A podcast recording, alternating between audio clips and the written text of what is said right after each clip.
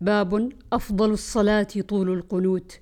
عن جابر قال قال رسول الله صلى الله عليه وسلم أفضل الصلاة طول القنوت. وعنه قال سئل رسول الله صلى الله عليه وسلم أي الصلاة أفضل؟ قال طول القنوت. باب في الليل ساعة مستجاب فيها الدعاء. عن جابر قال سمعت رسول الله صلى الله عليه وسلم يقول إن في الليل لساعة لا يوافقها رجل مسلم يسأل الله خيرا من أمر الدنيا والآخرة إلا أعطاه إياه وذلك كل ليلة. وعنه أن رسول الله صلى الله عليه وسلم قال إن من الليل ساعة لا يوافقها عبد مسلم يسأل الله خيرا إلا أعطاه إياه. اللهم إنا نسألك من فضلك. باب الترغيب والتر... الترغيب في الدعاء والذكر في آخر الليل والإجابة فيه. عن أبي هريرة أن رسول الله صلى الله عليه وسلم قال ينزل ربنا تبارك وتعالى كل ليلة إلى السماء الدنيا حين يبقى ثلث الليل الآخر فيقول من يدعوني فأستجيب له ومن يسألني فأعطيه ومن يستغفرني فأغفر له.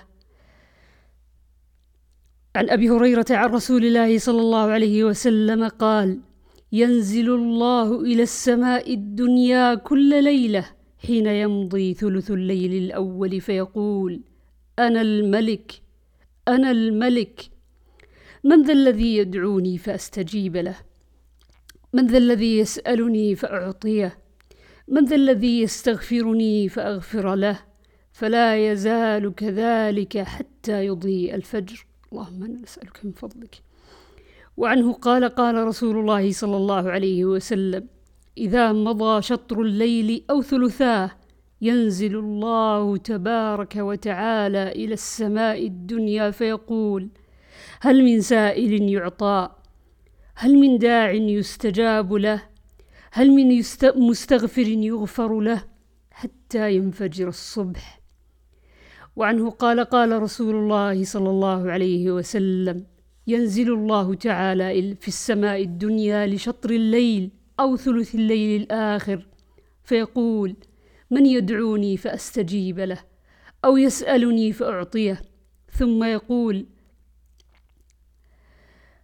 وفي رواية ثم يبسط يديه تبارك وتعالى يقول من يقرض غير عدو غير عدوم ولا ظلوم.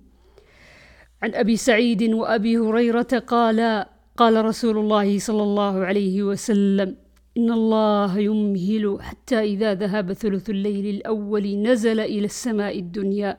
فيقول هل من مستغفر؟ هل من تائب؟ هل من سائل؟ هل من داع؟ حتى ينفجر الفجر. اللهم نسألك من فضلك. باب الترغيب في قيام رمضان وهو التراويح. عن أبي هريرة أن رسول الله صلى الله عليه وسلم قال من قام رمضان إيمانا واحتسابا غفر له ما تقدم من ذنبه. وعنه قال كان رسول الله صلى الله عليه وسلم يرغب في, في قيام رمضان من غير أن يأمرهم فيه بعزيمة. فيقول من قام رمضان إيمانا واحتسابا غفر له ما تقدم من ذنبه فتوفي رسول الله صلى الله عليه وسلم والأمر على ذلك. ثم كان الأمر على ذلك في خلافة أبي بكر وصدرا من خلافة عمر على ذلك. عن أبي هريرة أن رسول الله صلى الله عليه وسلم قال من صام رمضان إيمانا واحتسابا غفر له ما تقدم من ذنبه ومن قام ليلة القدر إيمانا واحتسابا غفر له ما تقدم من ذنبه وعنه عن النبي صلى الله عليه وسلم قال من يقم ليلة القدر فيوافقها. أراه قال إيمانا واحتسابا. غفر له. عن عائشة أن رسول الله صلى الله عليه وسلم صلى في المسجد ذات ليلة فصلى بصلاته ناس. ثم صلى من القابلة فكثر الناس ثم اجتمعوا من الليلة الثالثة أو الرابعة فلم يخرج إليهم رسول الله صلى الله عليه وسلم. فلما أصبح قال قد رأيت الذي صنعتم فلم يمنعني من الخروج إليكم إلا أني خشيت أن تفرض عليكم. اللهم صل وسلم على نبينا محمد. قال وذلك في رمضان.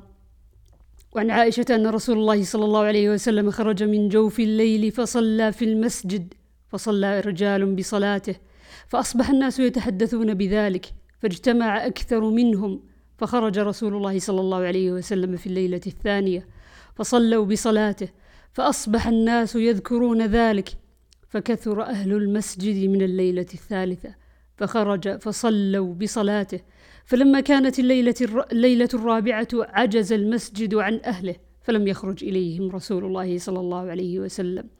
فطفق رجال منهم يقولون الصلاة فلم يخرج إليهم رسول الله صلى الله عليه وسلم حتى خرج لصلاة الفجر.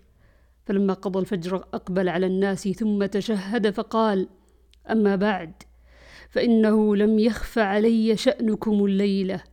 ولكني خشيت أن تفرض عليكم صلاة الليل فتعجزوا عنها. اللهم صل وسلم على نبينا محمد.